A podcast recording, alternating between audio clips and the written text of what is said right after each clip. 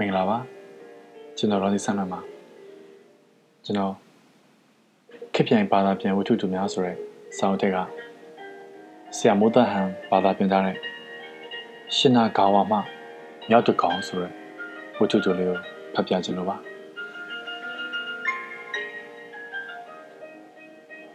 ရှင်နာဂါဝါမှမြောက်တကောင်တခါတည်းမှာကိုယ့်နာမည်ကိုကိုပြန်ဖော်နေရသည်က သူမအတွက်အခက်တွေ့လာသည်တစုံတစ်ယောက်ကများမမျှော်လင့်ပဲသူမနာမည်ကို မေးလိုက်ပါကအမြဲလိုလိုပြဿနာဖြစ်ရသည်အဝေးရောင်းဆိုင်မှာအင်ဂျီတထည်ရဲ့လက်တွေကို ဖြန့်ကြည့်နေစဉ်သူမကိုအယောင်စီးမကမေးလိုက်သည်ဒီကအမနာမည်ဘလို့ခေါ်ပါသလဲရှင်သူမ၏စိတ်တစ်ခုလုံးဗလာကျင်းသွားသည် နာမည်တတိယဖို့တခုလေးသောနီလန်ကလက်ကန်အိတ်ထဲမှရှင်မောင်းလိုက်စဉ်ထုတ်ယူလိုက်ရန်သာရှိသည်သူမနှင့်စကားပြောနေသောစေးမဖို့ကြောင်တောင်တောင်နိုင်သောလုံရဟုယူဆနိုင်သည်တယ်လီဖုန်းပြောနေစဉ်များထို့သို့ဖြစ်လာလျင်ပတ်စံအိတ်ကိုတုံမှောက်ရှာဖွေနေ၍တစ်ဖက်လိုကျွတ်မတက်မတာဖြစ်လာအောင်ဥကြောင်ကြောင်တိတ်ဆိတ်မှုမျိုးဖြစ်ရပြီးဘာများဖြစ်နေသနည်းဟုတွေးထင်စရာ ဖြစ်ရတတ်၏ကြံအရာအလုံးကိုသူမမှတ်မိသည်ပတ်ဝန်းကျင်မှလူတိုင်း၏အမည်များကိုသူမဘယ်ခါမှမမေ့သူမ၏လိပ်စာဖုန်းနံပါတ်မွေးနေ့နှင့် passport နံပါတ်စသည်တို့သည်သူမအတွက်ပြဿနာဖြစ်ရာလုံးလုံးမဟုတ်တငယ်ချင်းများ၏ဖုန်းနံပါတ်များနှင့်အရေးပါသော ဖောက်သည်များ၏တယ်လီဖုန်းနံပါတ်များကိုကြရားရည်လွတ်သူမပြောနိုင်သည် သူမအမည်ကို ပြောဆိုရမည်ဟုကြိုတင်သိနှင့်ထားလျင်တော့သူမအတွက်ပြဿနာမရှိလားမှတ်ဉဏ်ကကောင်းစွာအလုံးလုံးနိုင်၏ဒါပေမဲ့အလင်းစလိုဖြစ်နေခြင်းမျိုးသို့မဟုတ်မပြင်းစင်ထားခဲ့လျင်တော့ပျက်စီးသွားသောလက်စစ်ပတ်လန်းတစ်ခုလိုဖြစ်နေပေလိမ့်မည်သူမအခက်တွေ့ရလေလေသူမသတိမရလေလေဖြစ်ရ၏သူမ၏ဘဝတွင် အမိပသို့အခေါ်ခံရသည်မှာ မဟာဒုက္ခဖြစ်ရသည်သူမလက်ထပ်ပြေးရသည့်အမည်မှာမီဇူကီအန်တိုဖြစ်သည်သူမ၏အပြိုစင်အမည်မှာအိုဇာဝါဖြစ်၏ဒီနာမည်နှစ်ခုလုံးကထူးခြားမှုမရှိသလိုစိတ်လှုပ်ရှားစရာလည်းမကောင်းလားဒါပေသည်မှတ်ဉဏ်ပြောက်ကွယ်လောက်အောင်အလုံများနေချိန်များဆိုတော့သူမ၏အမည်ကိုဖော်ပြနိုင်စွမ်းမရှိရှာတော့တာကာရှိအမည်နှင့်လူနှင့် လက်ထပ်ပြီးကလေးကသူမ၏မီဇူကီအန်တိုဖြစ်နေခဲ့သည်မှာအချိန်ကာလအဖြစ်၃နှစ်ရှိပြီဖြစ်သည်အစောပိုင်းတုန်းကသူမ၏အမည်သစ်ကိုအသုံးပြုရန်သူမအကျွမ်းတဝင်မရှိခဲ့ထိုနမ၏ပုံတရံနှင့်အတန်ထွက်တို့သည်သူမနှင့်မသင့်တော်တရားတို့ပေမဲ့လည်းအချိန်ချင်းဖန်ဖန်ခေါ်ကြည့်ရင်းအရေးအတွက်များစွာလက်မှတ်ထိုးကြည့်ရင်းနှင့်တဖြည်းဖြည်းအကျွမ်းဝင်လာရသည် ထိုအမည်သစ်နှင့်ပတ်သက်၍တက်ကြောင်တတာဖြစ်လာရသည်မီဇူဂီအန်တိုမှာမဆိုးလားဟုသူမသဘောပေါက်ခဲ့သည်မီကီဆိုသောလူတစ်ယောက်နှင့်သူမတရင်ကချစ်ကျွမ်းဝင်ဖို့သည်အိမ်တော်သက်နှစ်နှစ်ခန့်အကြာတွင်တော့သူမ၏နှကမ်းပြားထပ်မှထိုနာမည်မှာလွင့်စင်ပျောက်ကွယ်သွားသည်အစာပိုင်းတွင်တလတစ်ချိန်မျှသာနာမည်မေးခြင်းဖြစ်ပေါ်သည်နောက်တော့တဖြည်းဖြည်းမကြာခဏ မေ့လာတော့သည်အခုတော့အ ਨੇ ဆုံးတစ်ပတ်လျင်တစ်ချိန်ခန့်နာမည်မေ့နေပြီဖြစ်သည်လက်ကံအိတ်ပါလာလျင်တော့အားလုံးအဆင်ပြေသည်ပစံအိမ်များကြောက်လိုက်ပါကသူမတဘဝလုံးပျောက်ဆုံးရသည်လုံးလုံးလျားလျားပျောက်ဆုံးသွားခြင်းတော့မဟုတ်သူမ၏လိပ်စာနှင့်ဖုန်းနံပါတ်ကိုတော့မှတ်မိနေသည်ရုပ်ရှင်တွေတဲကလိုအတိတ်မေ့သွားခြင်းမျိုးမဟုတ်သည်ကသိကြသည်ဇန်နဝါရီမှတ်မိနေပေမဲ့ နာမည်မေ့နေတော့စိတ်ပြက်ဖွယ်ကောင်းလာသည်နာမည်မရှိတဲ့ဘဝကဘယ်တော့မှမနိုးတော့မဲ့အိမ်မက်တစ်ခုနဲ့တူသည်ဟုသူမခံစားရသည်မဇူကီသည်ရတနာဆိုင်တစ်ဆိုင်တွင်ရိုးရိုးရှင်းရှင်းလက်ကောက်ကလေးတစ်ခုဝယ်ယူကာမဇူကီအိုဇာဝါအန်တိုဟုရေးထွင်းစေခဲ့သည်ကြောင်တကောင်ဒါမှမဟုတ်ခွေးတကောင်ဟုသူမကိုသူမခံစားရသည်တို့ရတွင်အိမ်ပြင်ထွက်တိုင်း လက်ကောက်ကလေးဝတ်ဆင်ဖို့သူမအမြဲတတိထားသည်သူမနာမည်မေ့နေပြီဆိုရင်လက်ကောက်ကလေးကိုအသာငုံကြည့်လိုက်ရုံဖြစ်သည်ရမောင်းလိုက်စဉ်ပြူးပြဲရှာနေစရာမလိုတော့တစ်ဖက်လူများ၏အထူးဆန်းတစ်ဖွဲကြည်ခံရစရာမလိုတော့ခင်မောဖြစ်သူကိုသူမ၏ပြဿနာကိုဖွင့်ပြောခြင်းမရှိသေးချေထို့သောပြောမည်ဆိုပါကလည်းခင်မောဖြစ်သူကအိမ်တော်ရေးမပြောမရှင်ဖြစ်နေသည်ဟုယူဆမည်ဖြစ်ကြောင်းသူမသိနေသည် သူမ၏ခင်မောသည်အဆဆအရာရာကြိုးကြောင်းဆက်ဆက်ဆင်ခြင်မှုလွန်ကဲသူမဟုတ်လားဆင်ခြင်မှုကြောင့်ထိခိုက်နာကျင်ရသည်ဟုဘယ်ခါကားမှမခံယူချေသူကအရာရာကို theory ကြကြပြုလုပ်နေသူမဟုတ်လားပြီးတော့သူက စကားနည်းနည်းများသူဖြစ်သည်အကြောင်းအရာတစ်ခုကို ပြောပြီးလင် အဆုံးတတ်ရန်မလွယ်တော့ဒါကြောင့်ပဲအားလုံးကိုမျိုးသိပ်ထားရသည်သူမ၏ပြဿနာကို ခင်မွန်းတဲ့သိသွားလျင်မသိလိုက်မသိပါသာနေပြစ်လိုက်မည်ဟုသူမဆုံးဖြတ်ထားသည်သူမကသူမတို့နှစ်ယောက်၏အိမ်တော်ရေးကိုမကြေမနက်ဖြစ်နေသည်ဒါပြင်စင်ကျင်မှုလွန်ကဲလွန်သောခင်မွန်းဖြစ်သူကိုသူမခွန်တုံဆိုခွင့်အလျင်းမရှိမီဇူကီနှင့်သူမ၏ခင်မွန်းသည်မကြာမြင့်မီကားမှ အပေါင်ငွေဖြင့်ရှင်နာကာဝါရှိအဆောက်အုံအသစ်တွင်ကွန်ဒိုအခန်းတစ်ခန်းဝယ်ယူဖြစ်ခဲ့သည်သူမ၏ခင်မွန်းသည် အသက်30ရှိပြီးဖြစ်ကာစေဝါကုမ္ပဏီတစ်ခု၏တက်ခွဲခန်းတွင်အလုပ်လုပ်သည်မီဇူကီကတော့အသက်26နှစ်ရှိပြီဖြစ်ပြီးဟွန်ဒါကားပွဲစားကုမ္ပဏီတွင်အလုပ်လုပ်သည်သူမ၏အလုပ်ကဖုန်းပြောခြင်းဧည့်သည်များကို ကော်ဖီဖြော်ပေးခြင်းကော်ပီကူပေးခြင်းဖိုင်တွဲပေးခြင်းနှင့်အချက်လက်သစ်များထည့်သွင်းစုဆောင်းပေးခြင်းတို့ဖြစ်သည်ဟွန်ဒါကုမ္ပဏီတွင် အမှုဆောင်အရာရှိဖြစ်သူသူမ၏ဦးလေးက တိုကျိုအမျိုးသမီးအငယ်တန်းကောလိပ်မှကျောင်းပြီးလာသောသူမကိုအလုတ်သွင်းပေးခဲ့ခြင်းဖြစ်သည်ဒီလောက်ကသူမမျှော်လင့်ခဲ့သလိုစိတ်လှုပ်ရှားဖွယ်ကောင်းသောအလုပ်တော့မဟုတ်ဒါပေမဲ့သူမအနေနဲ့တာဝန်ယူရမှုအနည်းငယ်တော့ရှိသည်အားလုံးခြုံပြောရလျင်တိတ်မဆိုးလှသောအလုပ်ဖြစ်သည်အယောင်းဝန်ထမ်းများအပြင်ထွက်သွားတိုင်းသူမကသာဈေးဝယ်တို့၏မိကုံများကိုဖြည့်ဆို့ပေးလေရှိသည်အယောင်းဝန်ထမ်းများအလုပ်လုပ်ပုံကိုကြည်ထားသည့်သူအတွက် လိုအပ်သောနည်းပညာအချက်လက်များအားလုံးကို အလွယ်တကူဖြည့်ဆို့နိုင်သည်အယောင်ပြကန်းထဲမှာရှိသမျှကားအားလုံး၏တမိုင်းမှတ်တမ်းကို သူမကောင်းစွာသိထားသည်ရည်သူကိုမဆိုနားလည်အောင်ပြောပြနိုင်သည်အော်တက်သည်ဆိုသည့်ကား၏လက်ကင်စီရတိုင်းနှင့်တာမန်စီတင်မီနီဗင်တို့၏လက်ကင်မတူကြောင်းကောင်းကောင်းပြောဆိုနိုင်သည်မီဇူကီသည်စကားပြောကောင်းသူတူဖြစ်သည် လူတိုင်းနှစ်ချိုက်သည့်အပြုံးလှလှကိုလည်းပိုင်ဆိုင်ထားသည်ဖြစ်ရာဈေးဝယ်ကြအောင်အလွယ်တကူပြောဆိုနိုင်၏ဈေးဝယ်သူ၏ပုံစံနှင့်လိုက်လျောညီထွေအောင်ညီတို့ပြုလို့ရမည်ကိုသူမကောင်းစွာသိထားသည်သူမအတွက်မကောင်းလှသည်ကသူမတွင်ဈေးလျှော့ပေးနိုင်သည့်အခွင့်အရေးအာဏာမရှိဆွေးနွေးခွင့်မရှိဒါပြင်လွတ်လပ်စွာ ရွေးချယ်ခွင့်မရှိရင်းချောင်းများကြောင့်ပင်ဈေးဝယ်သူကအဆက်ဆက်ကလေးများချထားသောမြင်းချောင်းပေါ်တွင် လက်မှတ်ထိုးရန်အသင့်ဖြစ်နေတိုင်းသူမကအယောင်းဝန်ထမ်းတဦးကိုပြေးခေါ်ရသည်ကြီးဖြစ်သည်ထိုအယောင်းဝန်ထမ်းကသာကော်မရှင်များရရှိသွားသည်သူမမျှော်လင့်သည့်တစ်ခုကြီးသောအကျိုးမြတ်ကညစာဖိတ်ချွေးခံရခြင်းမျိုးနှင့်ကော်မရှင်ဝေစုအနှဲငယ်သာဖြစ်သည်ကားအစင်းရိပ်အမြောက်အများရောင်းချရပါကသူမကိုအယောင်းဝန်ထမ်းတာဝန်ထမ်းဆောင်ခွင့်ပြုလုပ်မည်ဟုသူမက မကြာခဏမျှော်လင့်မိသည် တို့ရရင်သူမမျှော်လင့်ချက်က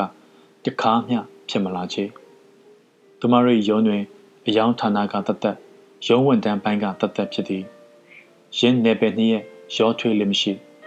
ဌာနကူးပြောင်းနိုင်ဖို့ကြုံတောင်းကြုံခဲအခွင့်အရေးသာစောင့်ဆိုင်ရမည်တို့ရရင်သူမအတွက်အလင်းပြဿနာမရှိလာချေသူမသည်ရည်ရွယ်ချက်ကြီးကြီးမားမားရှိလာသူတယောက်လည်းမဟုတ်ချေနနက်9နာရီမှ9နာရီထိ10နာရီမျှသောရုံးချိန်အတွင်း သူမရရှိဘူးသောအားလက်ရခီးများအကြောင်းနှင့်သူမ၏လွတ်လပ်ချိန်များအကြောင်းပြောဆိုနေရန်သာသူမလိုလားသည်အလိုထဲတွင်မီဇူကီသည်သူမ၏အပြိုစင်အမည်ကိုသာဆက်လက်အသုံးပြုသည်ထိုနာမည်ကိုပြောင်းလဲမည်ဆိုပါကမိကုံမစုံမိုးမစုံအောင်သူမနှင့်ပတ်သက်သောအချက်လက်အားလုံးကိုပြောင်းလဲပြည့်ရမည်ဖြစ်သည်စိန်စရာရှုပ်လွန်း၍သူမဒီတိုင်းထားရှိခြင်းဖြစ်သည်အခွန်ကိစ္စအတွက်သာသူမကိုသူမအိမ်တောင်ရှင်ဟု ဖြစ်ဆွဲရုံမှတပါနာမည်မပြောင်းချေဒီတိုင်းနေခြင်းကပုံစံမကျလားဟုပြောကြားခြင်းမရှိချေဒါကြောင့်လဲသူမ၏စီးပွားရေးကပ်များနှင့်အချိန်မှတ်ကပ်ပြားတို့တွင်မီဇူကီအိုဇာဝါဟုသာဆက်လက်အသုံးပြုနေကြောင်းသိထားသည်သူကိုယ်တိုင်လည်းထိုအမည်ကိုသာမကြာခဏခေါ်တတ်သည်သူ့အတွက်ပြဿနာရှိပုံမရအစဉ်ပြေချုံးမွေသောနီလန်းတရဟုသူယုံကြည်နားလည်ထားသည် သူမလုံနေသည်များကြိုးချောင်းစီလျော်နေသည်၍သူဘာစောစကားမျှတက်မည်မဟုတ်ဤနေရာဖြင့်သူ့အတွက်အားလုံးအေးဆေးတတ်တာနေသည်သူမနာမည်ကိုမိတ်နေခြင်းကကြောက်ရွံ့ဖွယ်ယောဂဆန်တစ်ခုရဲ့လက္ခဏာပေလားဟုပင်မီဇူကီတွေးထိတ်ဆပြူလာသည်ဥပမာအားဖြင့်အယ်ဇိုင်းမာယောဂနှင့်အစောပိုင်းလက္ခဏာပေလားဟုသူမထင်နေမိသည်ဤကဘာကြီးကမျှော်မှန်းမရနိုင်တဲ့ယောဂဆိုးကြီးတွေနဲ့ ပြည့်နှက်နေတာမဟုတ်လားတိတ်မကြခင်ကမှမော်စတန်နီယာယောဂနဲ့ဟန်တင်ယောဂတွေကြောင့်သူမသိထားတာသူမမကြားဘူးတဲ့ယောဂတွေကလည်းမရေတွက်နိုင်အောင်ရှိသေးသည်ဒီလိုယောဂတွေနဲ့ကနဦးလက္ခဏာတွေကမပြောပါတော့သိငယ်တတ်သည်ကိုယ်နာမည်ကိုမိတ်နေခြင်းမျိုးပေလားသူမစေယုံကြီးတည်ုံသွားကသူမ၏အခြေအနေကို ရှင်းပြဖို့သည်ဒါပေမဲ့တာဝန်ခံဆရာဝန်ငယ်က သူမ၏အဖြစ်ကိုနားထောင်ပြီးအားအိမ်ကုန်ခန်းဖြူရော်သွားကဆရာဝန်တယောက်ထက်လူနာတယောက်နဲ့သာတူသွားသည်သူမကိုစိတ်ပူဟန်လည်းမပြတော့ခမရဲ့နာမည်ပြင်တခြားဘာတွေကိုခမမေ့တတ်သေးလဲဆရာဝန်ကမေးသည်မသိဘူးရှင်သူမကပြန်ပြောသည်အခုချိန်ထိတော့ကျမရဲ့နာမည်တစ်မျိုးတည်းပဲရှင် ဒီကိစ္စကစိတ်ဆရာဝန်ကင်ကြွယ်ရမယ့်ပြဿနာနဲ့တူတယ်ဟုတ်စိတ်ဝင်စားမှုအလျင်းကင်းမဲ့ဟန်ယောဂလက္ခဏာလုံးဝမရှိဟန်သူကဆိုသည်ခမကတခြားဟာတွေပါစက်မိလာပြီဆိုရင်တော့ကျုပ်တို့စီလာစစ်ဆေးကြည့်လဲပါအဲ့ဒီတော့မှတခြားစက်သက်မှုတွေလုပ်ကြည့်မယ်ကျွန်တော်တို့မှာခမည်းထက်သေလူမျောပါဖြစ်နေတဲ့လူနာတွေကိုကုသဖို့အများကြီးရှိသေးတယ်ဟုအတိပ္ပယ်ရသောစကားမျိုးလဲပြောခဲ့သေးသည် ဒီနေ့တော့သတင်းစာတွေတွင်အတိုင်ပင်ခံဌာနတစ်ခုသူမနေထိုင်သည့်အရက်တွင် ဖွင့်လှစ်ပြီးဖြစ်ကြောင်းစောင်းမတစ်ပုဒ်ဖတ်ရှုလိုက်ရသည်စောင်းမကအသေးစားစောင်းပါဖြစ်သည်သူမအတွက်တော့အတိုင်းထက်အလုံးထိုဌာနသည်တလလျင်နှစ်ကြိမ်သာဖွင့်သည်ဖြစ်ပြီးဝါရင်အတိုင်ပင်ခံပုဂ္ဂိုလ်ကြီးကအဖိုးခအနှဲငယ်များနှင့်ဆောင်ရွက်ပေးမည်ဖြစ်သည်ရှင်နာကာဝတွင် နေထိုင်သည့်ရှစ်နှစ်အထက်မည်သူကိုမဆို ကြိုဆိုသည့်အကြောင်းစောင်းမတွင်ဖော်ပြထားသည်အတိုင်ပင်ခံရုံးခန်းကအတုံးဝင်ပါမလားဟုမီဇူကီတန်တရားဝင်မိပေမဲ့တွားရောက်ကြည့်ရန်ဆုံးဖြတ်ချက်ချလိုက်သည်စနေတနင်္ဂနွေရက်တွေမှာပွဲစားကုမ္ပဏီသည်အလုပ်များလုံးလာသည်ဒါပေမဲ့ကြားရက်တွေမှာတရက်မျှခွင့်ယူခြင်းကတိတ်အခက်ခဲမရှိလားသူမအနေနဲ့အတိုင်ပင်ခံရုံးကိုတွားရန်အစဉ်ပြေပြေနှင့်အချိန်ညှိနှိုင်းသည် တခြားဝန်ထမ်းအတွက်ဆိုရင်တော့ရင်းတို့အချိန်ညှိနှိုင်းရမှာမလွယ်လှသောအလုပ်ဖြစ်သည်တနအီခွဲအချိန်အတွက်ရန်2000မြသာကုန်ကြသည်ဖြစ်ရာသူမဝင်ငွေနှင့်ဆိုလျင်မများလှပေအတိုင်ပင်ခံဌာနသို့တွားရောက်သည့်အခါမီဇူကီသည်တူဦးဒီသောရောက်လာသူဖြစ်သည်ရုံးခန်းကအခုမှဖွင့်တာဖြစ်လို့လူသိမ့်မသိသေးပါဘူးလူတွေများလာရင်တော့ကျမတို့အလုပ်ရှုပ်သွားမှာပါဟုတ် အဲ့ကျိုမျိုးသမီးကရှင်းပြသည်အတိုင်မခံဆီယာမ၏အမည်မှာတက်စုကိုစာကာကီဖြစ်သည်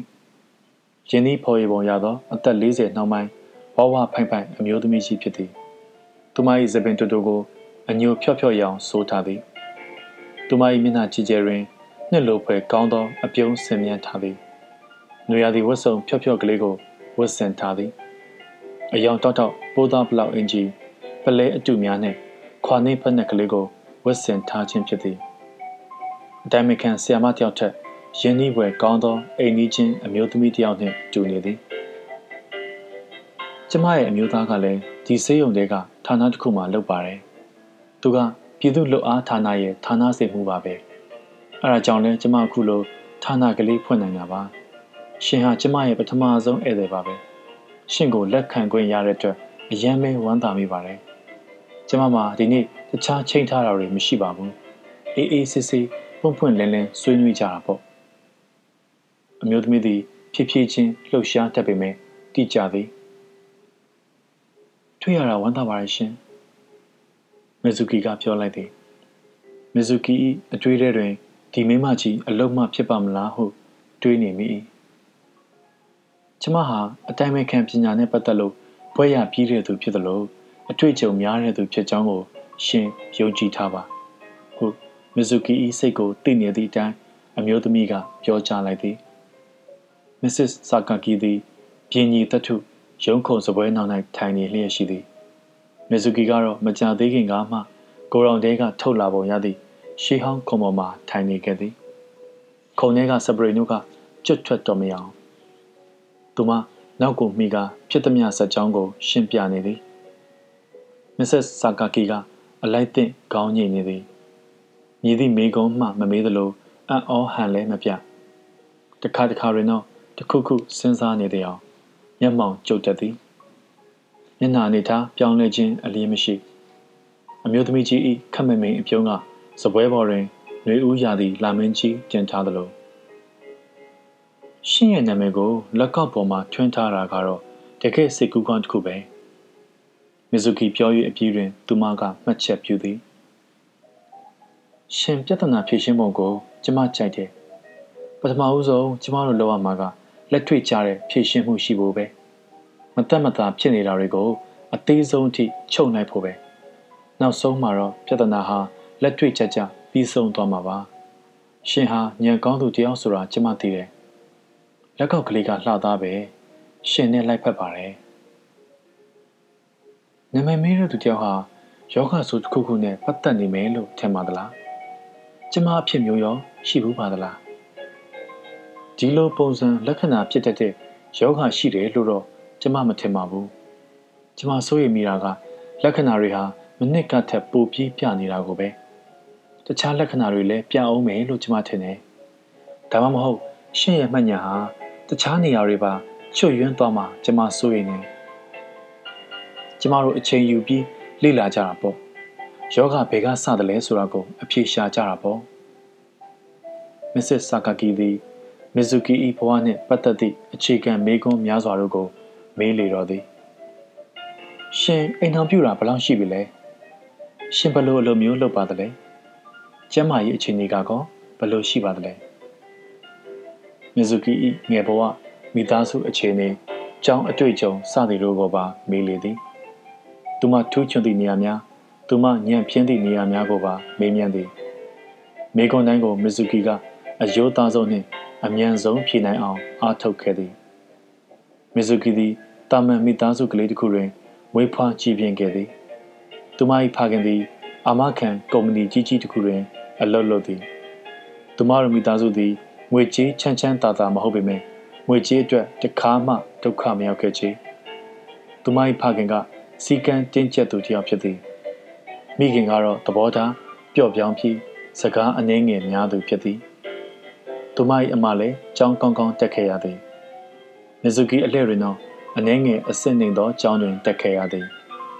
တို့ရတွင်မီဇူကီသည်မိသားစုနှင့်ညီသည့်ပြဿနာမှမရှိခဲ့ပေမီဇူကီကိုယ်တိုင်ကလည်းဘာမှထူးထူးခြားခြားမရှိခဲ့သူမတခါမှဖျားနာခြင်းမရှိခဲ့ ဘယ်သူကမှသူမကိုလှပါသည်ဟုမပြောတော့လေမီဇူကီကအလှပတိတ်ဆိတ်မဝင်စားသူမကညံကောင်းသူဟုသူမကိုသူမခံယူထားသည်စာသင်ခန်းထဲတွင်လည်းသူမသည် အောက်ခြေနှင့်အမြဲဝေးပြီးထိတ်ဆုံးပိုင်းတွင် ရှိခဲ့သည်ကြီးဖြစ်သည်ဒါပေမဲ့သူမထူးချွန်သည့်ဘာသာရက်ရဲဟူ၍လည်းမရှိကျောင်းတွင်သူမတငယ်ချင်းကောင်းများရှိခဲ့သည်ယခုတော့အိမ်တော်ကြကအခြားမြို့များသို့ပြောင်းရွှေ့သွားကြက အဆက်အသွယ်မရှိသလောက်ဖြစ်ခဲ့လေပြီအိမ်တော်ရေးနှင့်ပတ်သက်၍လည်းသူမတွင်အပြစ်တင်စရာဆိုရမရှိအစပိုင်းတွင်လက်ထက်ပြီးခါစားစုံတွဲများဖြစ်သည့်အတိုင်းအမှားအယွင်းများကရှိခဲ့ကြတော့လေနောက်ပိုင်းတွင်ပြုပြင်ကတင့်လျော်သောအိမ်တော်ရေးကလေးရရှိခဲ့သည်သူမ၏ခင်မွန်းသည်ပြစ်မျိုးမထင်အကောင်းစားကြီးတော့မဟုတ်တို့ရတွင်သူတွင်အရေးချင်းကောင်းများရှိထားသည်သူသည်ကျင်နာတတ်သည် တာဝန်ယူတတ်သည်တန်တန်ရှင်းရှင်းနေတတ်သည်ဘာမဆိုစားနိုင်သည်ပြီးတော့ဘယ်သောအခါမှအရေးရှည်လည်းမရှိသူသည်လုပ်ငန်းခွင်တွင်လည်းလုပ်ဖော်ကိုင်ပတ်များအထက်အရာရှိများနှင့်အဆင်ပြေသည်မိကွန်းအားလုံးကိုဖြည့်ဆိုချိန်မှာပဲမေဇူကီကလိုချင်တက်မှတ်ဖွယ်မရှိတဲ့ဘွားကြီးကိုသူမရခဲ့တာပဲလို့ဆင်ခြင်နေမိသည်ရုပ်ရှင်ဆန်းဆန်းစိတ်လှုပ်ရှားပွဲကောင်းတဲ့အဖြစ်အပျက်တစ်ခုတလေတော့မှသူမဘဝတွင်မရှိခဲ့ သူမရဲ့ဘဝကရုပ်ရှင်တကားသာဖြစ်ခဲ့လျင်ငွေကြေးအကုန်ကြမခံပဲရိုက်ကူးထားသည့်ကြည့်ရှုသူကိုအိတ်ငိုက်စေမည်မှတ်တမ်းတင်ကားမျိုးသာဖြစ်ပေလိမ့်မည်ဟိုဝေးကြီးကရှုခင်းတွေကိုရိုက်ပြနေခြင်းမျိုးရိုက်ကွင်းအပြောင်းလဲမရှိအနီးကပ်ရိုက်ချက်မရှိနမိတ်ပြရိုက်ချက်မရှိဘလို့မှဆွဲဆောင်မှုမရှိသည့်ဇက်ကားသာဖြစ်ပေလိမ့်မည်အတိုင်ပင်ခံလိုသူတွေရဲ့စကားကိုနားထောင်မှုကအတိုင်ပင်ခံဆီယာမတယောက်ရဲ့တာဝန်ပေပဲဟု မီဇူကီနားလည်လိုက်သည်တို့ရရင်ဒီလိုပြင်းမှုကောင်းလာတဲ့ဘဝဇလန်းကိုနားထောင်ပေးနေသောဒီအမျိုးသမီးကြီးရဲ့အဖြစ်ကိုမီဇူကီစာနာစိတ်ဝင်စားပြုနေပြီဖြစ်သည်တကယ်လို့များသူ့နေရာမှာငါဖြစ်နေပြီးငါဖြစ်လို့ညီငွေမှုတူတယ်ကြီးတဲ့အိပ်ပျော်သွားမှာပဲဟုမီဇူကီတွေးမိသည်တက်ဆုကိုဆာကာကီကတော့စိတ်ပါလက်ပါနားထောင်နေပြီးမှတ်စုတူကလေးတွေလိုက်ရေးနေသည်သူမစကားပြောလျင် ညီငွေသည့်အရေးအယောင်တစ်ဆက်ကလေးတော့မှမပြနှွေထွေးမှုနှင့်အမှန်တကယ်စိတ်ဝင်စားနေပုံသာပြသည်မီဇူကီသည်သူမထူးထူးခြားခြားကြီးတည်ငြိမ်နေသည်ကိုသတိထားမိသည်သူမပေါ်ဘယ်သူမှဒီလောက်စိတ်ရှည်လက်ရှည်နားဆင်ပေးခဲ့ခြင်းမရှိဘူးကြောင်းမီဇူကီသဘောပေါက်သည်သူမတို့၏တွေ့ဆုံမှုတနာရီခွဲပြည့်သွားတော့မီဇူကီသည်သူမ၏ပခုံးထက်မှဝင်ထုတ်ဝင်ပိုးကြီးတစ်ခုဖယ်ရှားခံလိုက်ရတဲ့ကဲ့သို့ခံစားလိုက်ရသည် Mrs. Ando ရှင်ရှေ့ပတ်ဘုဒ္ဓဟူးနေ့လာနိုင်အောင်မလားဟုတ် Mrs. Sakaki ကပြုံးရှင်စွာမေးလိုက်သည်ဟုတ်ကဲ့လာနိုင်ပါတယ်ကျမလာရင်ရှင်စိတ်မဆိုးမဟုတ်လားမီဇူကီကပြန်ဖြေသည်မဆိုးပါဘူးရှင်ရှင်ဆွေးနွေးတိုင်ပင်ဖို့စိတ်ဝင်စားနေသည်ရှင်ရဲ့ပြဿနာဖြေရှင်းနိုင်ဖို့ကျမကူညီမှာပါကျမတို့အချိန်ယူပြီးဆွေးနွေးဖို့တော့လိုပါလိမ့်မယ် နာမည်ရီနဲ့ပတ်သက်ပြီးရှင့်မှာအမှတ်ရစရာအဖြစ်ပြက်တစ်ခုခုများရှိခဲ့လားဒုတိယအချိန်တွေ့တဲ့အခါမှာမစ္စစ်ဆာကာကီကမေးပါသည်ရှင့်ရဲ့နာမည်အခြားတစ်ယောက်ရဲ့နာမည်ထရိတ်ဆန်ကလေးတစ်ကောင်ရဲ့နာမည်နာမည်ပြောင်းတစ်ခုခုနဲ့ပတ်သက်လို့ပေါ့နာမည်နဲ့ပတ်သက်ပြီးတစ်ခုခုမှတ်မိတာရှိပြီးကျမကိုပြောပြပါလားအရေးမကြီးတဲ့အဖြစ်ပြက်ပဲဖြစ်ဖြစ်နာမည်နဲ့ပတ်သက်တဲ့တစ်ခုခုပေါ့စူးစမ်းပြီးစဉ်းစားကြည့်ပါလား မီဇူကီမိနစ်အနည်းငယ်လောက်စဉ်းစားကြည့်လိုက်သည်နာမည်နဲ့ပတ်သက်တဲ့ထူးထူးခြားခြားအဖြစ်ပြက်မဖြစ်ဘူးလို့ကျမထင်တယ်ကျမအခုလောလောဆယ်မမှတ်မိတာလည်းဖြစ်နိုင်တယ်။အိုးခဏလေးနာမည်ကပြားလေးတစ်ခုနဲ့ပတ်သက်ပြီးကျမမှမှတ်မိစရာရှိတယ်။နာမည်ကပြားအရန်ကောင်းတယ်။ဒါပေမဲ့ကျမရဲ့နာမည်ကပြားတော့မဟုတ်ဘူး။တခြားတယောက်ရဲ့ကပြားကိစ္စမရှိပါဘူး။ ကျမကိုပြောပြပါ။ပြီးခဲ့တဲ့ဘက်ကပြောခဲ့တဲ့အတိုင်းကျမဟာပုဂ္ဂလိကမိန်းကလေးကျောင်းတစ်ကျောင်းမှာအငယ်တန်းနဲ့အထက်တန်းနှစ်ဆင့်စလုံးတက်ခဲ့ရသည်။မီဇူကီကသူမဇလန်းကိုစသည်ကျမရဲ့အိမ်က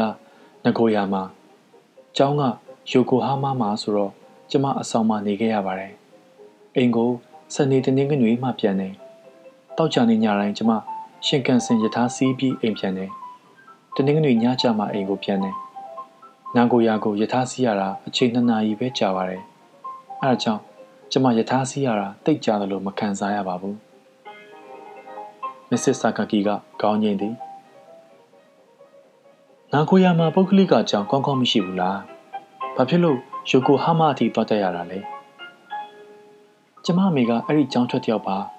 သူကသူ့သမီးတယောက်ကိုအဲ့ဒီကျောင်းမှာတက်စေခြင်းနဲ့ မိဘတွေနဲ့အဝေးမှနေဖို့ကျမအသင့်တော်ဆုံးပဲလို့ကိုကိုကိုထင်ခဲ့တယ်ကျောင်းကသာသနာပြုကျောင်းဖြစ်ပေမဲ့လွတ်လွတ်လပ်လပ်ရှိပါတယ်ကျောင်းမှာကျမတငယ်ချင်းကောတချို့ရခဲ့ပါတယ်အားလုံးကကျမလိုပဲအဝေးကနေမိဘနဲ့ခွဲခွာရတဲ့လူတွေချီပါပဲအဲ့ဒီကြောင့်မှကျမ6နှစ်တက်ခဲ့ပါတယ်အားလုံးခြုံပြောရရင်တော့ကျမပြောခဲ့ပါတယ်အဆောင်မှာအစားအသောက်ညံ့တာလေးကလွဲရင်ပေါ့မစ္စဆာကာကီကပြောလိုက်သည် ရှင်မအမတယောက်ရှိတယ်လို့ရှင်ပြောခဲ့တယ်နော်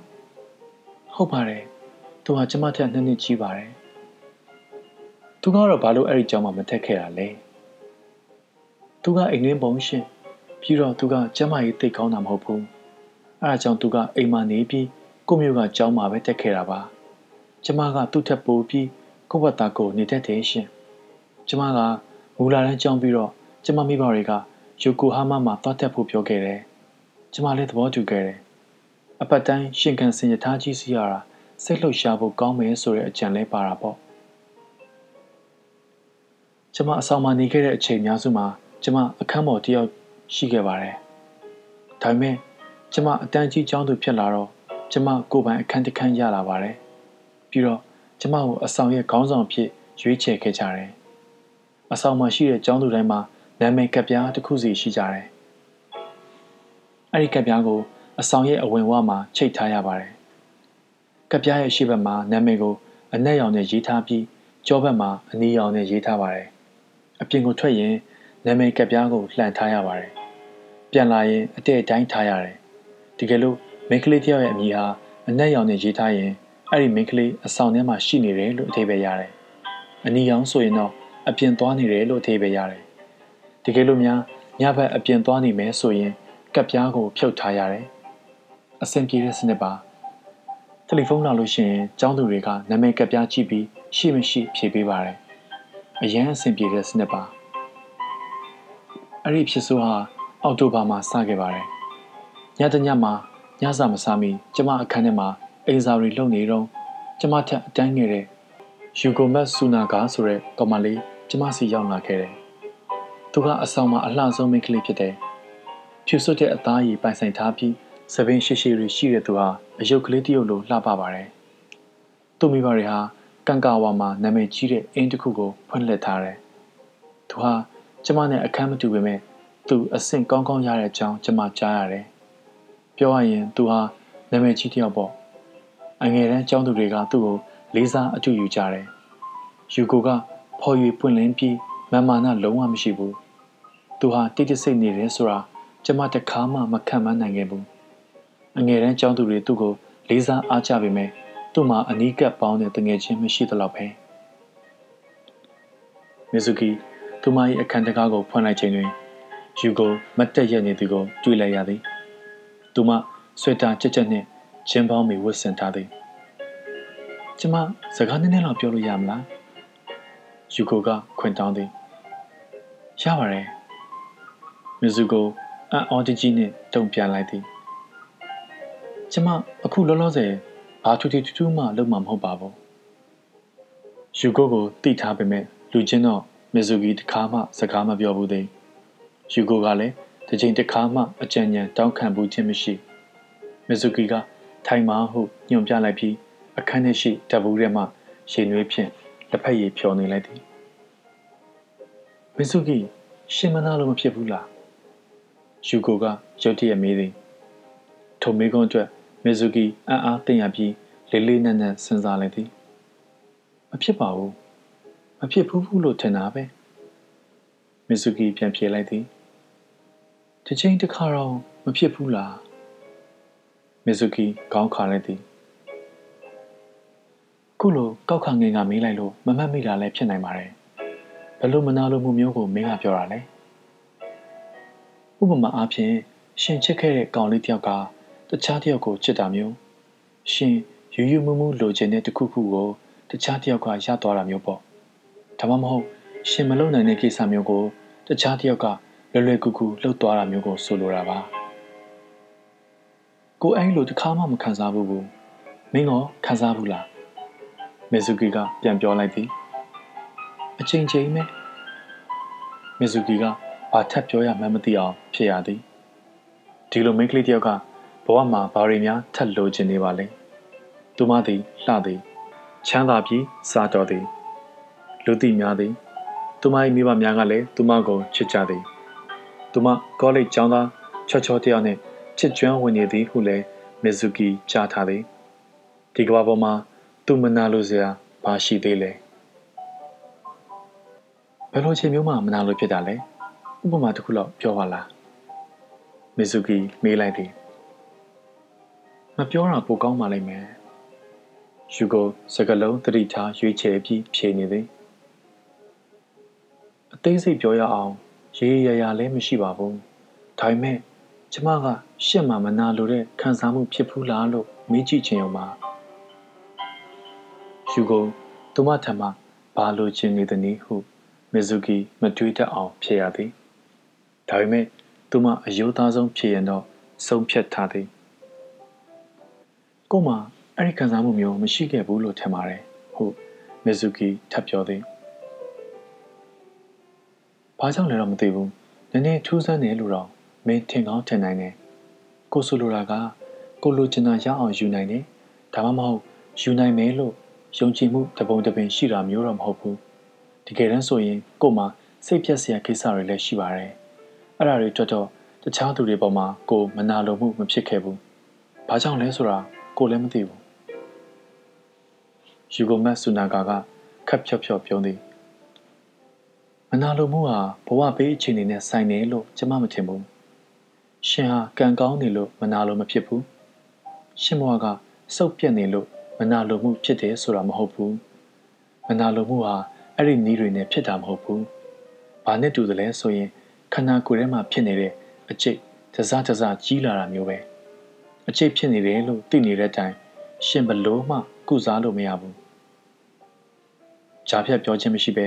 မီဇူကီနားထောင်နေသည်ယူကိုတလောက်စကားအများကြီးပြောခဲ့သည်မနာလိုမဖြစ်ဘူးတဲ့လူတယောက်ကိုမနာလိုမှုအကြောင်းရှင်းပြရတာခက်ခဲလာတယ်မနာလိုမှုဖြစ်ရင်အသက်ရှင်ရတာခက်ခဲတယ်ဆိုတာတော့ကျွန်မသိတယ်ကိုပတ်ဝန်းကျင်မှာ ငရဲအသေးစားကလေးဖြစ်နေသလိုပဲရှင်မနာလိုမှုမဖြစ်တာအရန်ကံကောင်းတာပဲယူကိုကပြောနေတာတွေကိုရက်ပြက်လိုက်ပြီးမေဇူကီကို ပြုံးပြလိုက်သည်သူမချစ်ဖို့ကောင်းလာသည်ဟုမေဇူကီတွေးမိသည်သူမလိုလှလှပပကြီးဖြစ်ရရင်ဘလို့များနေမလဲဂုံယူဝင်ကြွားစရာကိစ္စတစ်ခုပဲလားဒါမှမဟုတ်ဝင်ထုတ်ဝင်ပိုးကြီးတစ်ခုပဲလားဒီအတွေ့ တွေးဖြစ်ပေမဲ့ယူကိုကိုတစ်ချိန်တစ်ခါလောက်မျှမီဇူကီဝင်မတူဘူးချင်းကျမအိမ်ပြန်တော့မယ်ပေါမော်တင်ထားသောလက်နှစ်ဖက်ကိုငေးကြည့်ရင်ယူကိုကပြောသည်ကျမရဲ့ဆွေမျိုးတယောက်ဆုံးသွားလို့စာပနာသွားရမယ်ကျမတာဝန်ခံစီကခွင့်တောင်းပြီးပါပြီကျမတနင်္လာနေ့မနက်မှာပြန်လာမှာပါဒီတော့တွင်မှာ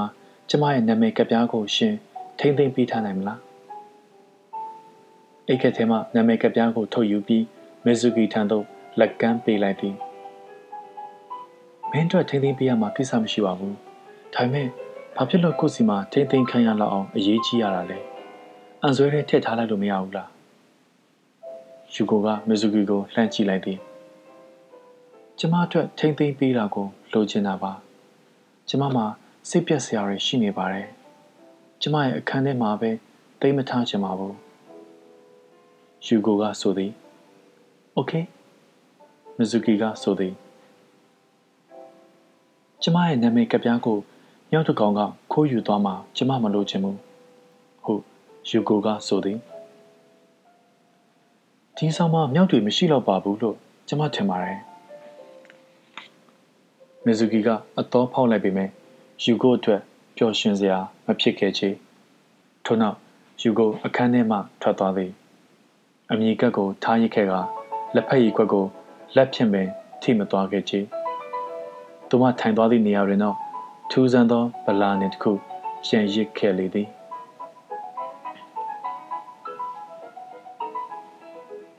မင်္ဂလာပါကျွန်တော်ရော်နီဆန်လမှာကျွန်တော်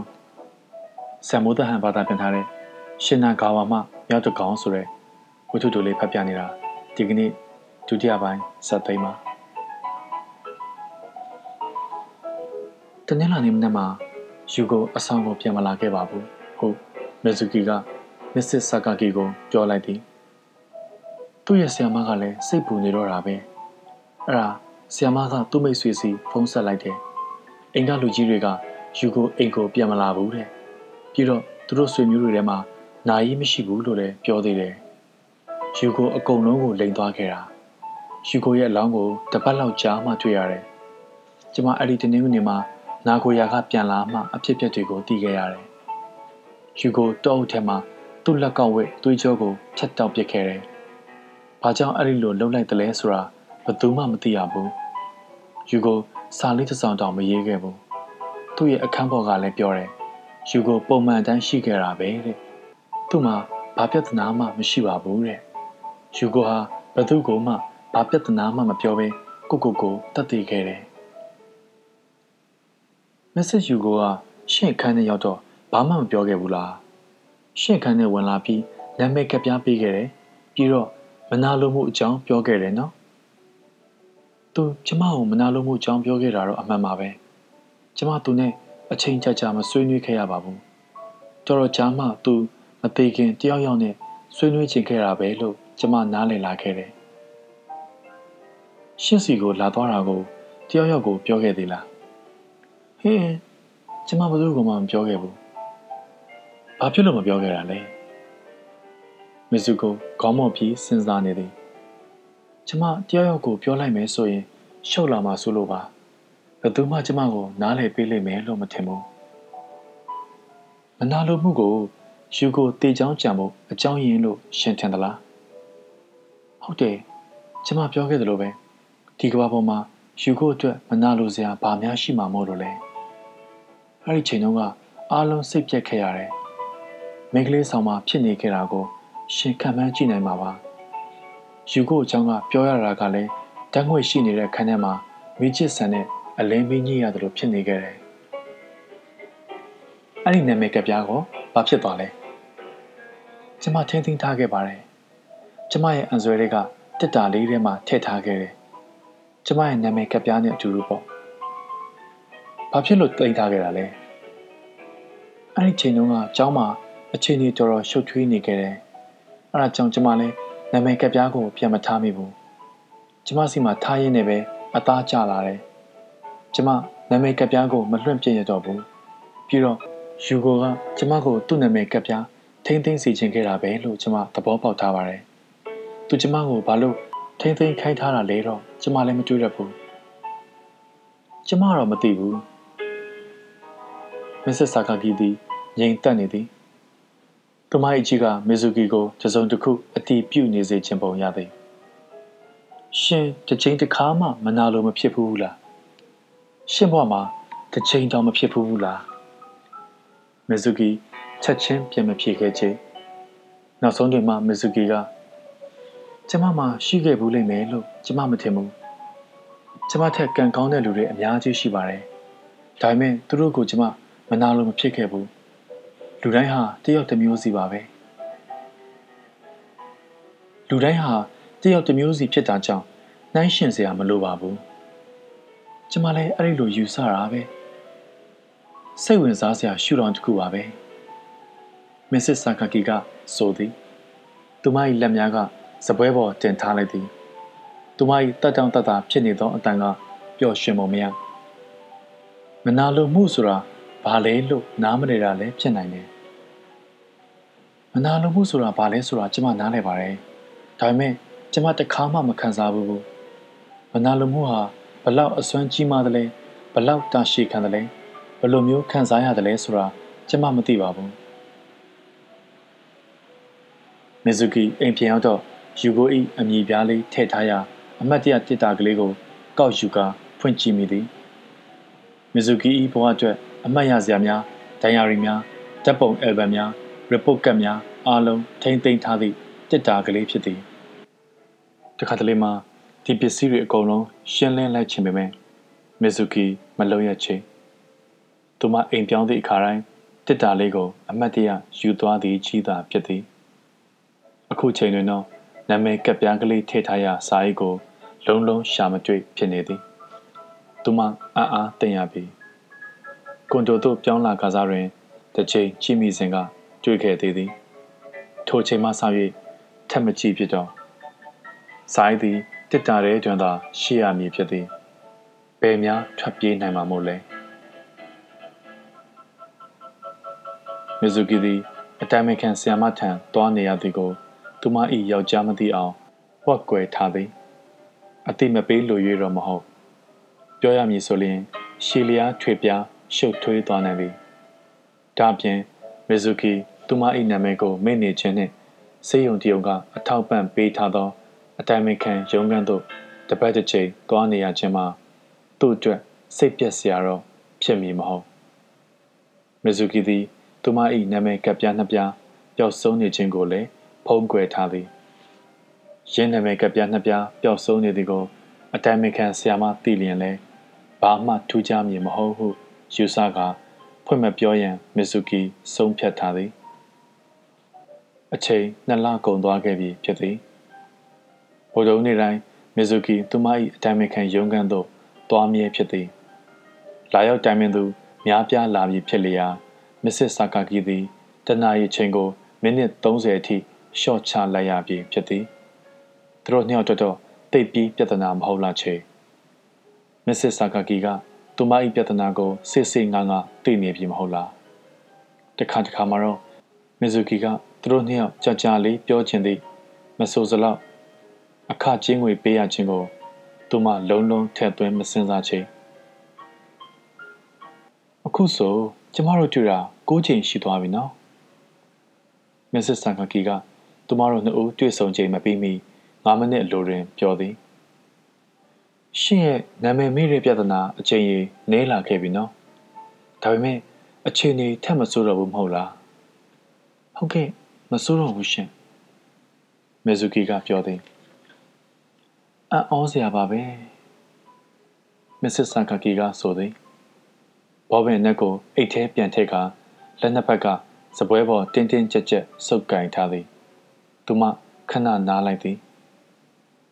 နောက်တစ်ချိန်လာရင်တော့ ကျမတို့ဆွေးနွေးတဲ့အကြောင်းအရာအများကြီးတိုးတက်လာမယ်ထင်ပါတယ်ကျမနာမည်မေးတဲ့ကိစ္စကိုပြောရလားဟုတ်တယ်စီစဉ်ထားတဲ့အတိုင်းဖြစ်မယ်ဆိုရင်တော့အကြောင်းရင်းကို ရှင်းပြနိုင်မှာပါကျမနာမည်မေးရတဲ့အကြောင်းရင်းလားအတိအကျပဲမစ္စစ်ဆာကာကီဘာရီစီစဉ်ထားပြီလဲဆိုတာကိုမဇူကီခံမှန်းမရနိုင်အောင်ဖြစ်နေသည် အကြောင်းရင်းအတိအကျကိုပြောမယ်ဆိုတော့အဲ့ဒီအကြောင်းရင်းကမြင်တွေ့နိုင်တဲ့အရာလားဟုတ်ပါတယ်မျက်စိနဲ့မြင်နိုင်ပါတယ်ဟုတ်လက်နှစ်ဖက်ကိုပို့နေတော့မက်စစ်ဆာကာကီကခြေနဲ့အားရနေသည့်ပုံစံနှင့်ပြောပြသည်နောက်တစ်ပတ်မရောက်မချင်းကျမအသေးစိတ်မပြောနိုင်သေးဘူးလောလောဆယ်တော့အလုတ်ဖြစ်နိုင်မဖြစ်နိုင်ဆိုတာကိုလည်းအတိအကျမပြောနိုင်သေးဘူးအလုတ်ဖြစ်လိမ့်မယ်လို့မျှော်လင့်ထားတာပဲရှိပါသေးတယ် မီဇူကီကခေါင်းငိမ့်လိုက်သည်ဘာပဲဖြစ်ဖြစ်ကျမတို့အစွမ်းကုန်စူးစမ်းထားတယ်ဆိုတာကိုတော့ပြောနိုင်ပါတယ်အခြေအနေကတော့ပြဿနာပြေလည်မဲ့အဖြေတစ်ခုနဲ့နေနေပါပြီဘဝဆိုတာရှေ့ကိုတုံးလှမ်းသွားရင် နောက်နှစ်လမ်းပြန်ဆုပ်ရတတ်တယ်ဆိုတာကိုတော့ရှင်သိတယ်မဟုတ်လားစိတ်တော့မပူပါနဲ့ကျမကိုယုံပါနောက်တစ်ပတ်မှတွေ့ကြတာပေါ့ပြန်ထွက်သွားရင် ရှေ့ကကောင်းတာမှာ နောက်တစ်ပတ်အတွက်ရက်ချင်းယူဖို့မမေ့နဲ့အောင်နော်မစ္စစ်ဆာကာကီကပြောရင်းမျက်တောင်ကိုပုတ်ခတ်ပုတ်ခတ်လှုပ်နေသည်နောက်တစ်ပတ်မှာတော့အတိုင်းမဲ့ခံရုံးကနေမီဇူကီဝင်လာစဉ်မစ္စစ်ဆာကာကီ၏အပြုံးများနဲ့အကြီးဆုံးအပြုံးဟုယူဆရသည့်အပြုံးနှင့်နှုတ်ဆက်နေသည်ကိုမီဇူကီတွေ့လိုက်ရသည်ရှင်ဘာကြောင့်နာမည်မေ့နေရတယ်လဲဆိုတဲ့အကြောင်းရင်းကို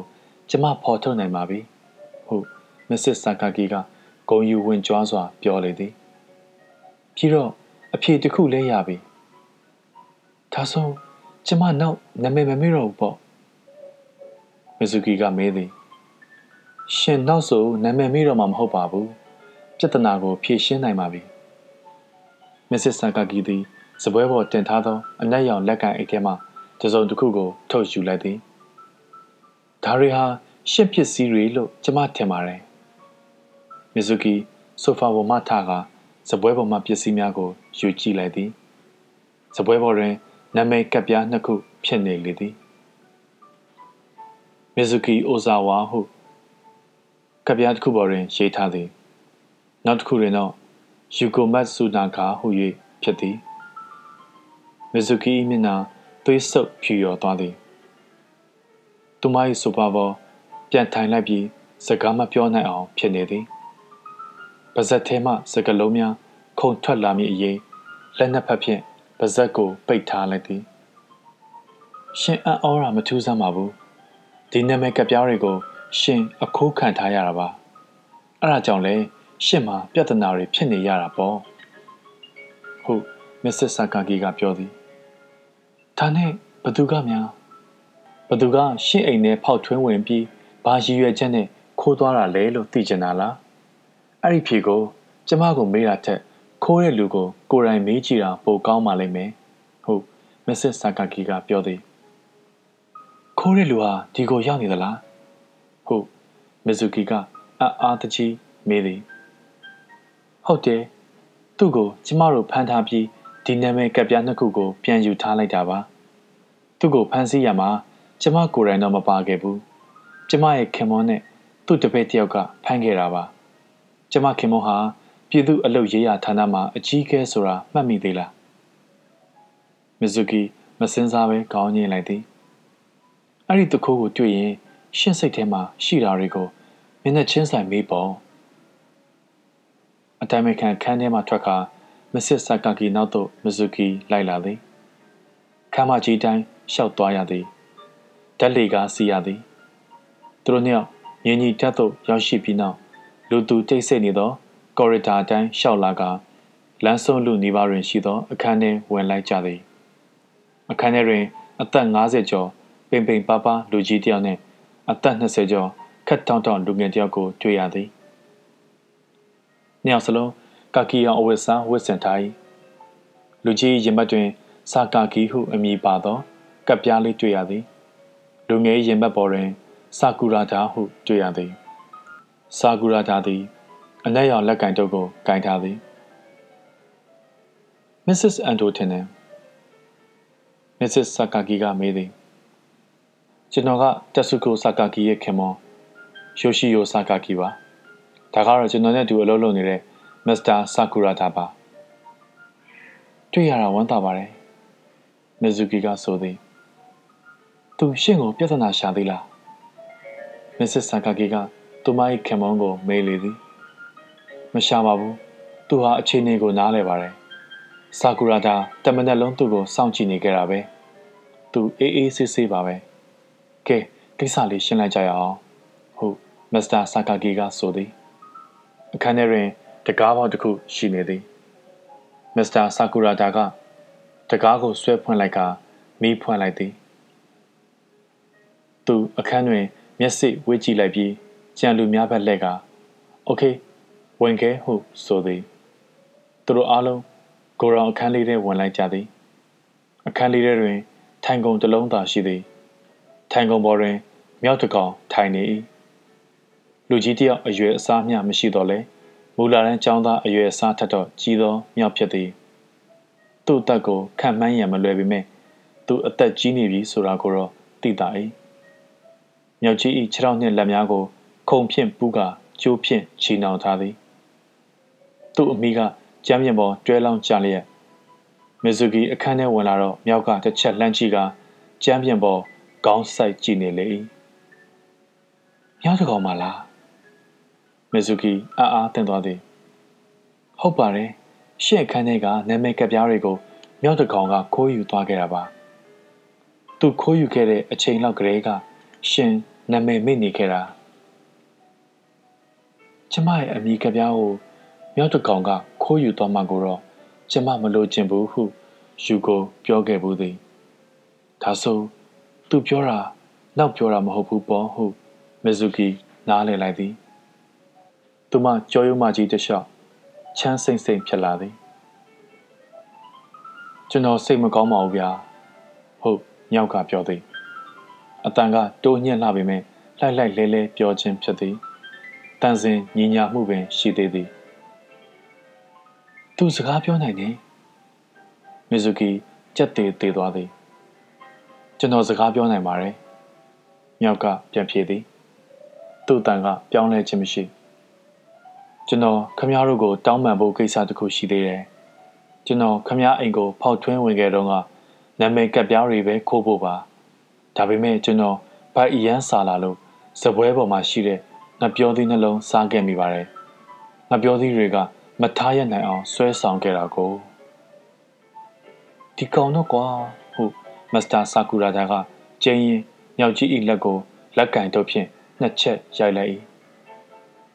ဒီကောင်တခြားဘာတွေလုပ်ခဲ့သေးလဲဆိုတာဘယ်သူသိနိုင်မှာလဲဒီကောင်ဘာလုပ်ခဲ့တယ်ဆိုတာစစ်ပေးရမလားစိတ်အေးအေးထားပါမမစ္စတာဆာကာကီကသူ့ကိုပြောသည် မပြောစီခိုးစားတဲ့အကြောင်းသူ့သဘောနဲ့သူဝန်ခံပြီးပြီမဟုတ်လားဒါပြင်သူ့ကိုဒီလောက်ရက်ဆက်ဖို့မလိုပါဘူး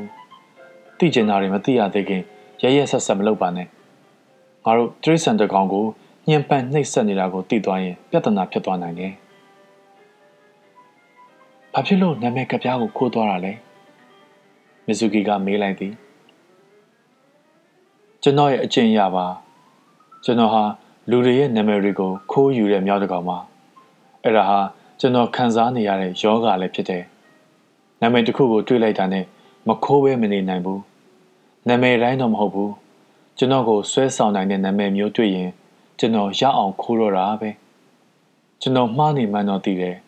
ဒါပေမဲ့ကျွန်တော်စိတ်မထိန်နိုင်ဘူးငါတို့ရဲ့အဆောင်ထဲကိုဝင်ပြီးယူကိုရဲ့နာမည်ကိုခိုးဖို့ကြံစီခဲ့ဘူးလား ကြံစီခဲ့ဘူးပါတယ်ကျွန်တော်ဟာယူကိုကိုယူနေအောင်ချစ်ခဲ့သူပါကျွန်တော်ဘဝမှာသူ့လောက်ကျွန်တော်အပေါ်မှာဆွဲဆောင်မှုရှိတာမတွေ့ဘူးခဲ့ဘူးဒါပေမဲ့သူ့ရဲ့အချစ်ကိုကျွန်တော်မရခဲ့တော့ဘာပဲဖြစ်ဖြစ်သူ့နာမည်ကလေးတော့ရအောင်ယူဖို့ကျွန်တော်ဆုံးဖြတ်ချက်ချခဲ့မိတယ်သူ့နာမည်ကိုရရင်ကျွန်တော်ကျဉ်းနှံ့မိမှာပဲဒါပေမဲ့ကျွန်တော်သူ့နာမည်ကိုမခိုးခင်သူဟာကိုကိုကိုတေချောင်းကြံသွားခဲ့တယ် ယူကိုကိုကိုကိုတေချောင်းကြံစေဖို့နင်ဘာတွေလုပ်ခဲ့လဲမလုပ်ခဲ့ပါဘူးမြောက်ကခေါင်းကိုခါရမ်းပြီးညင်းဆိုသည်ကျွန်တော်သူ့ကိုဘာမှမလုပ်ခဲ့ပါဘူးသူဟာသူ့စိတ်အတွင်းမှာအနက်ရောင်တူကြီးလွှမ်းမိုးခံခဲ့ရတာပါဒီနှစ်တွေမှာယူကိုရဲ့နာမည်ကငါအိမ်မှာရှိနေတယ်လို့နင်ဘလို့သိခဲ့တာလဲကျွန်တော် ခြေရခံနိုင်မှုအချိန်အများကြီးယူခဲ့ရပါတယ်မစစ်ယူကိုဆုံးတော့အဆောင်ရဲ့အဝင်ဝမှာရှိတဲ့သူ့ရဲ့နာမည်ကပ်ပြားကိုခိုးဖို့ကျွန်တော်ကြံခဲ့ပါတယ်ဒါပေမဲ့ကျွန်တော်သွားယူတဲ့အချိန်မှာရှိမနေတော့ဘူးဘယ်ကိုရောက်သွားလဲဆိုတာဘယ်သူမှလည်းမသိဘူးဘယ်ကိုရောက်ရောက်ရောက်အောင်လိုက်ယူမယ်လို့ကျွန်တော်ဆုံးဖြတ်ခဲ့တယ်ယူကိုဟာသူနဲ့တိတ်မရင်းနှီးတဲ့ခမားစီမှာထားခဲ့မယ်လို့အဲ့ဒီတုန်းကကျွန်တော်မထင်ခဲ့ဘူး မင်းအမှန်ပဲမေဇူကီကဆိုသည်ဒါပေမဲ့တနေ့တော့ဖြတ်ခနဲ့အကြံပေါ်လာတယ်ခမားကိုပေးခဲ့တာဖြစ်နိုင်တယ်လို့ပေါ့ဒီကြံရခဲ့တာပြီးခဲ့တဲ့နှစ်ຫນွေဦးတော့ကပါခမရနောက်ကိုကျွန်တော်လိုက်ရတာအချိန်အတော်ကြာခဲ့တယ်ခမရကအိမ်တောင်ရက်သားကြာပြီးနာမည်ကမီဇူကီအန်တိုဖြစ်နေတာရှင်နာကာဝါကကွန်ဒိုမှာနေတာကိုသိဖို့တော်တော်လေးကြာပါတယ် မြောက်တကောင်အနေနဲ့စုံစမ်းရတာခက်ခဲလာပါတယ်ခမရလဲခံမှန်းကြည့်နိုင်ပါပါအဲ့ဒါလိုနဲ့ပဲကျွန်တော်အရာခိုးနိုင်ခဲ့တယ်ဘာဖြစ်လို့ငါနာမည်ကပ်ပြားကိုပါခိုးတော့တာလဲယူကိုဟာကိုပဲဘာလို့မယူတာလဲနေလို့လို့ငါမှအတော်ကြီးခံစားခဲ့ရတယ်ကျွန်တော်အလွန်အလွန်စိတ်မကောင်းပါဘူးခမညာညောက်ကရှက်ရွံ့နေဟန်ခေါင်းငိုက်ဆိုင်ပြောသည်ကျွန်တော်လိုချင်တဲ့နာမည်ရတော့ ပြန်တော့မလို့ပါပဲဒါပေမဲ့ခမရဲ့နာမည်ကိုတွေ့တော့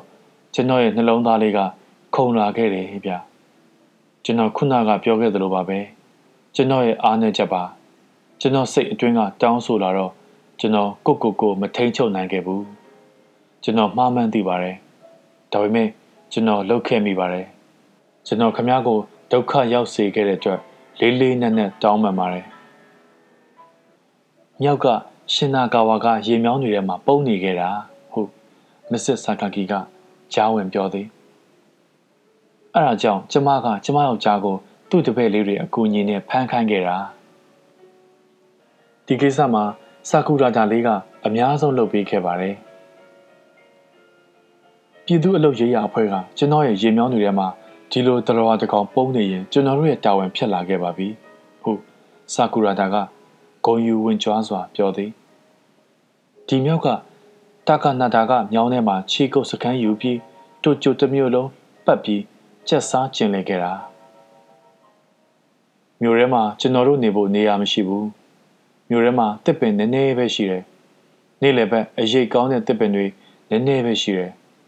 ကျွန်တော်မြေကြီးပေါ်မှာနေရင်လူတွေကအုပ်စုဖွဲ့ပြီးကျွန်တော်ကိုဖမ်းကြမှာကလေးတွေကကျွန်တော်ကိုអော်ကြမယ် ကစားစရာတနတ်တွေနဲ့ပြစ်ကြလိမ့်မယ်ခွေးတွေလိုက်ဆွဲလိမ့်မယ်ရုပ်မြင်တန်ကြားလိုင်းတွေကလည်းလိုက်ရိုက်ကြအောင်မယ်ဟုတ်မြောက်ကပြောသည်ပြီးခဲ့တဲ့နှစ်လလုံးကျမတို့စကားတွေပြောခဲ့တာတွေကို ကျမဖြည်းဖြည်းချင်းရှင်းလာတယ်မြူကိုတွေကိုမကြည့်သလိုပါပဲနာမည်ကိုခိုးယူရတဲ့ကိစ္စမှာအကြောင်းရင်းရှိရမယ်လို့ကျမယုံကြည်ခဲ့တယ်အဲ့ဒီခိုးယူသူဟာမြေကြီးအောက်ထဲမှာ ခိုနားနေနိုင်တယ်လို့ကျမယူဆခဲ့တယ်မြေကြီးအောက်မှာဆိုတော့မြေအောင်ယထာနဲ့မြောင်းနေပဲရှိတယ်အဲအကြောင်းကျမယောက်ျားကိုပြောခဲ့တယ်လူမဟုတ်တဲ့တရဝါတကောင်မြေအောင်မြောင်းနေထဲမှာပုံနေနိုင်တဲ့ထင်တဲ့အကြောင်းသွားရှာပေးဖို့တောင်းဆိုခဲ့တယ်နောက်တော့သူကကျမကိုမြောက်တကောင်ရှာပေးနိုင်ခဲ့တယ်အခိုက်အတန့်မြမီဇူကီထံတွင် ပြောစရာစကားလုံးများပျောက်ဆုံးသွား၏ဒါပေမဲ့ ကျမပြောတာကိုနားထောင်ခဲ့ရုံနဲ့ဒီကိစ္စကြီးကိုဘယ်လိုနားလည်ခဲ့တာလဲနောက်ဆုံးတော့မီဇူကီမေးလိုက်သည်ဒါကကျွန်တော်ရဲ့အစွမ်းမဟုတ်တော့ဘူးခင်မွန်တယောက်အနေနဲ့ပြောရမယ်ဆိုရင်ကျွန်တော်ဇနီးဟာထူးခြားတဲ့အမျိုးသမီးတစ်ယောက်ဗျသူ့မှာတာမန်မဟုတ်တဲ့အစွမ်းတတ္တိထူးတွေရှိထားတယ်ကျွန်တော်နဲ့လက်ထပ်ခဲ့တဲ့22နှစ်တာကာလအတွင်းထူးဆန်းတဲ့အတိုင်းအခံရုံးခန်းကလေးဖွင့်ဖို့သူ့ကိုကျွန်တော်အကူအညီပေးခဲ့တာရုံးခန်းကလေးရှိတော့ သူ့ရဲ့အစွမ်းတတ္တိထူးတွေနဲ့လူတွေကိုကူညီနိုင်တာပေါ့ရှင်နာဂါဝါကလူတွေအတွက်အသုံးဝင်တာပေါ့ဟုတ်မစ္စတာဆာကာကီကဇနီးတဲ့ကိုတစ်ချက်ကြီးကပြောသည်ဒီမြောက်ချင်းကိုဘာဆက်လုပ်မလဲဟုတ်မီဇူကီကမေးသည်သူ့ကိုအသက်ရှင်ခွင့်မပေးနိုင်ဘူးမစ္စတာဆာကူရာတာကဆိုသည်သူဘာပဲပြောပြောသူ့မှာဒီအကျင့်ဆိုးကြီးရှိတော့နောက်တစ်ခါလဲထပ်ကျူးလွန်မှာစိုးရတယ် ခဏလောက်နေပါဦးငါတို့ဘလို့ပဲသဘောထားထားငါတို့မြောက်တကောင်ကိုတတ်တာတရိษံအခွင့်အရေးအဖွဲ့တွေတည်သွားရင်တရားစွဲခံရလိမ့်မယ်ရော်ကြီးတွေတောက်တောက်လေးပေးရလိမ့်မယ်ငါတို့ကြီးကောင်းကြီးကိုတတ်တုံးကဘလောက်အပုတ်ချခံခဲ့ရလဲဆိုတာမင်းမှတ်မိအောင်ပါပေါ့အဲ့လိုအဖြစ်မျိုးနောက်တစ်ချိန်ထပ်မဖြစ်ချင်တော့ဘူးမစ္စတာဆာကာကီကဆိုသည်ကျွန်တော်ခမ ्या တို့ကိုတောင်းပန်ပါတယ်ကျေးဇူးပြုပြီးကျွန်တော်ကိုမတတ်ကြပါနဲ့ခမ ्या မြောက်ကခေါင်းကိုညွတ်ခါ လေးလေးနက်နက်တောင်းပန်လေသည်ကျွန်တော်လောက်ခဲ့တာမှားတယ်ဆိုတာကျွန်တော်နားလဲပါတယ်ကျွန်တော်ဟာဒုက္ခတွေအများကြီးပေးခဲ့မိပါတယ်ကျွန်တော်ခမ ्या တို့နဲ့အငင်းခုံမဖြစ်ချင်ပါဘူးကျွန်တော်ရဲ့လောက်ရက်တွေအတွက်ကြောင့်ကောင်းတာတွေလည်းရှိပါတယ်လူတွေရဲ့နာမည်ကပ်ပြားတွေခိုးယူတာဘာများကောင်းနိုင်တယ်လဲရှင်းစမ်းမအောင်မစ္စတာဆာကာကီကပြက်ပြက်သားသားမေးလိုက်သည်ကျွန်တော်လူတွေရဲ့အမည်ကပ်ပြားတွေကို ခိုးတယ်ဆိုတာကတော့တန်တရားဝင်စရာမရှိပါဘူးကျွန်တော်ယူခဲ့တဲ့အတွက်အဲ့ဒီနာမည်တွေရဲ့ပူးကပ်နေတဲ့မကောင်းတဲ့အချင်းရာတွေကိုလည်းဖယ်ရှားပေးနိုင်ပါတယ်ဟိုရုံးကသာယူဂိုမဆူနာကာရဲ့နာမည်ကပ်ပြားကိုခိုးယူနိုင်ခဲ့မယ်ဆိုရင်သူလူဘဝကိုစွန့်ခွာသွားနိုင်လောက်အောင်ထိဖြစ်ခဲ့မှာမဟုတ်ဘူး။ဘာဖြစ်လို့ဒီလိုပြောရတာလဲ။မီဇူကီကဆိုသည်။ဘာဖြစ်လို့လဲဆိုတော့သူ့နာမည်နဲ့တူ သူ့စိတ်ထဲကအမောင်တူတချို့ကိုကျွန်တော်ယူနိုင်ခဲ့မှာမို့ပဲ။မြောက်ကဖြေသည်။လွယ်လှကြီးလား။ဘာပဲဖြစ်ဖြစ်မင်းဟာထိုက်တဲ့နဲ့ပြစ်ဒဏ်တော့ပေးဆက်ရမှာပဲ။ဆာကူရာတာကဆိုသည်။အပြစ်ဒဏ်ကလွတ်ချင်လဲလွတ်မယ်။သူ့မှာဦးကြည့်ချက်တစ်ခုခုတော့ရှိလိမ့်မယ်။မစ္စတာဆာကာကီသည်မြောက်ဘက်သို့လှည့်လိုက်သည်အမီရီကိုခိုးတဲ့အခါမင်းကောင်းတာရောဆိုးတာရောနှစ်ခုစလုံးယူသွားရတယ်ပေါ့ဟုတ်လား ဟုတ်ပါတယ်ကျွန်တော်မှရွေးချယ်စရာမရှိပါဘူးကျွန်တော်ကအထုပ်တစ်ခုလုံးယူသွားရတဲ့သဘောပါပဲအထဲမှာရှိသမျှအကုန်ယူရတယ်ကောင်းပြီဒါဆိုငါနာမည်တွေကမကောင်းတဲ့အရာတွေကဘာတွေလဲမီဇူကီကမြောက်ကိုမေးလိုက်သည်ကျွန်တော်မပြောတာပိုကောင်းလိမ့်မယ်။မြောက်ကဆိုသည်ကျေးဇူးပြုပြီးပြောပေးပါ။မီဇူကီကတောင်းဆိုသည်သူမ ခဏရက်လိုက်ပြီးမှငါမေကုန်းကိုဖြေမယ်ဆိုရင်ငါမင်းကိုခွင့်လွှတ်တယ်။ဒီမှာရှိတဲ့လူတွေကိုလည်းခွင့်လွှတ်ဖို့ပြောပေးမယ်။တကယ်ပြောရလား။သူကကျမကိုအမှန်ပြောရင်ခွင့်လွှတ်ပေးနိုင်မလား။မီဇူကီကမစ္စတာဆာကာကီကိုမေးလိုက်သည်သူဟာပင်ကိုသဘာဝအရစိုးသွမ်းတဲ့တရိษံမဟုတ်ပါဘူးသူလည်းစိတ်မကောင်းဖြစ်နေပြီပဲသူပြောတာတွေနားထောင်ပြီးရင် ရှင်တို့သူ့ကိုတကာအိုတောင်မှာဖြစ်ဖြစ်တခြားတနေရာမှာဖြစ်ဖြစ်တွားလွတ်ပေးနိုင်ပါတယ်သူဒုက္ခထပ်ပေးမှမဟုတ်တော့ပါဘူးရှင်တို့ဘလို့သဘောရလဲခမရသဘောပါပဲကျွန်တော်မကန့်ကွက်ပါဘူးဟုတ်မစ္စတာဆာကာဂီကဆိုသည်သူမြောက်ဘက်သို့လှည့်လိုက်သည်မင်းဘလို့သဘောရလဲငါတို့မင်းကိုတောင်တွေမှာတောက်လွတ်ပြီးတိုကျိုမြို့ကိုပြန်မလာပါဘူးလို့မင်းဂရီပေးနိုင်မလားဟုတ်ကဲ့ပါခင်ဗျာ ကျွန်တော်မလာပါဘူးလို့ချိန်ပြောရဲပါတယ်ကျွန်တော်ခင်ဗျားတို့ကိုဘယ်တော့မှဒုက္ခထပ်မပေးတော့ပါဘူးကျွန်တော်လည်းအသက်မငယ်တော့ပါဘူးကျွန်တော်ဘဝအတွက်စတင်ခြင်းအသစ်ဖြစ်လာနိုင်ပါတယ်ကောင်းပြီငါနာမည်တွေကဘာမကောင်းတာတွေကိုနေရသွားတယ်လေမီဇူကီကမြောက်ဤသေးငယ်သောအနေရောင်မျက်လုံးများကိုစူးစိုက်ကြည့်ကမေးလိုက်သည်ကျွန်တော်ပြောရင်ခမားကိုနာကျင်စေလိမ့်မယ်ငါအရေးမဆိုင်ဘူး ပြောပါနှစ်ဖူးမှအရေးပြားများကျုံဝင်တော့အောင်ထိမြောက်ကစဉ်းစားနေသည်ခမရမသိတာကပိုကောင်းလိမ့်မယ်လို့ကျွန်တော်ထင်တယ်သူကဆို၏ရပါတယ်လို့ပြောထားပြီးပြီပဲငါတကယ်သိချင်တာဒါဆိုโอเคမြောက်ကဆိုသည်ဒီလိုဆိုရင်တော့ခမားကိုပြောရတာပေါ့ခမားရဲ့အမေကခမားကိုမချစ်ဘူး သူဘယ်တော့မှလည်းခမားကိုမချစ်ခဲ့ဘူးခမားကိုမွေးပြီးကလေးကတမနစ်လေးတောင်မချစ်ခဲ့ဘူးဘာကြောင့်လဲတော့ကျွန်တော်မသိဘူး